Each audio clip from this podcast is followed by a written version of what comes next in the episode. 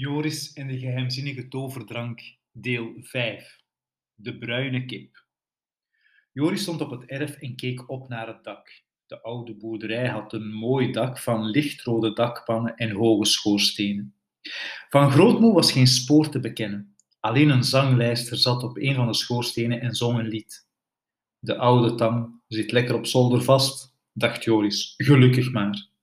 Plotseling kletterde een dakpan van het dak naar beneden en viel op het erf. De lijster vloog op en maakte dat hij wegkwam.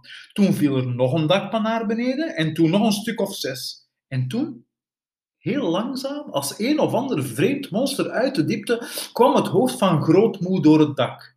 Toen haar rimpelige nek en de bovenkant van haar schouders. Wat zeg je me daarvan, jochie? Is dit geen kunststukje? schreeuwde ze. Zou u niet beter kunnen ophouden, grootmoe? riep Joris.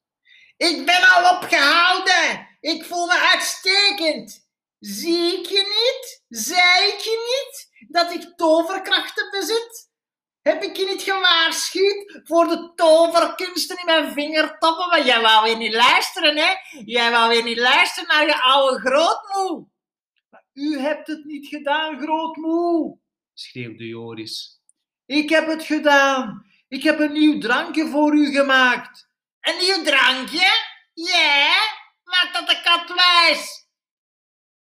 Wel waar, wel waar, schreeuwde Joris. Je staat weer te liegen zoals gewoonlijk, gilde grootmoe. Jij liegt altijd. Ik lieg niet, grootmoe, ik zweer het. Het gerimpelde oude gezicht, daar hoog boven het dak, staarde wantrouwig op Joris neer. Wou je me wijsmaken dat je helemaal alleen, jij helemaal alleen een nieuw drankje hebt gemaakt? schreeuwde ze. Ja, grootmoe, helemaal alleen. Ik geloof er niks van. Maar ik zit hier prima. Haal eens een kopje thee voor me. Een bruine kip scharrelde rond op het erf vlak bij Joris. De kip bracht hem op een idee. Vlug haalde hij de kurk uit het medicijnflesje en schonk wat van het bruine spul op de lepel. Kijk eens, grootmoe! schreeuwde hij. Hij ging op zijn hurken zitten en stak de lepel naar de kip uit. Kip, zei hij. Kip, kip, kip, kip, kip, kip, kip, kom eens hier. Ik heb wat voor je. Ja, kippen zijn stomme dieren en zo gulzig als wat. Ze denken dat alles eetbaar is. Deze dacht dat de lepel vol graantjes zat. Ze kwam eraan, ze hield haar kop scheef en keek naar de lepel. Kom, kom, kip, kom, kip, kip, kip, kip, zei Joris. Braaf kippetje, kip, kip, kip, kip, kip, kip, kip. De bruine kip strekte haar nek uit naar de lepel en deed pik. Ze kreeg een snavel vol toverdrank. Het resultaat was elektrisch. Oei, oei, krijste de kip en schoot als een raket de lucht in. Ze ging wel zo hoog als het huis en toen kwam ze weer plof neer op het erf.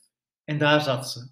Al haar veren stonden recht overeind op haar lijf. Ze had een stom verbaasde blik op haar stomme gezicht. Joris keek toe. Grootmoe keek ook toe, vanaf het dak. De kip kwam overeind. Ze wiebelde een beetje. Ze maakte rare gorgelgeluidjes in haar keel en haar snavel klapte open en dicht. Ze zag eruit als een echte zieke kip. Je hebt er vermoord, stommeling! schreeuwde grootmoe. Die kip is er geweest, daar zullen nog wel over horen van je vader. Hij zal er flink langs van geven, net goed. Plotseling kwamen er zwarte rookwolken uit de snavel van de kip. Ze staat in brand! gilde grootmoe. De kip staat in brand! Joris rende naar de watertrog om een emmer water te halen. Nog even en die kip is schaar en klaar om opgegeten te worden! schreeuwde grootmoe. Joris gooide de emmer water over de kip heen. Er klonk een luid gesis en de rook verdween. Die oude kip heeft haar laatste ei gelegd. Kippen die in brand gestaan hebben, leggen nooit meer eieren, zei grootmoe.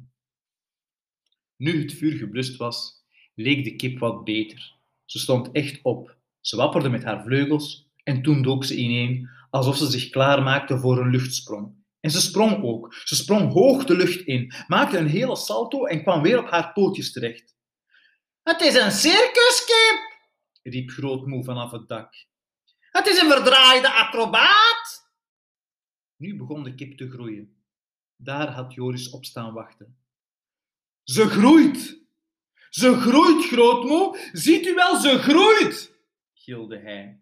Groter en groter, langer en langer werd ze. En al gauw was de kip vier of vijf keer zo groot als normaal. Ziet u wel, grootmoe! schreeuwde Joris. Ik zie het, jongen, ik zie het. schreeuwde de oude vrouw terug. Ik kijk al.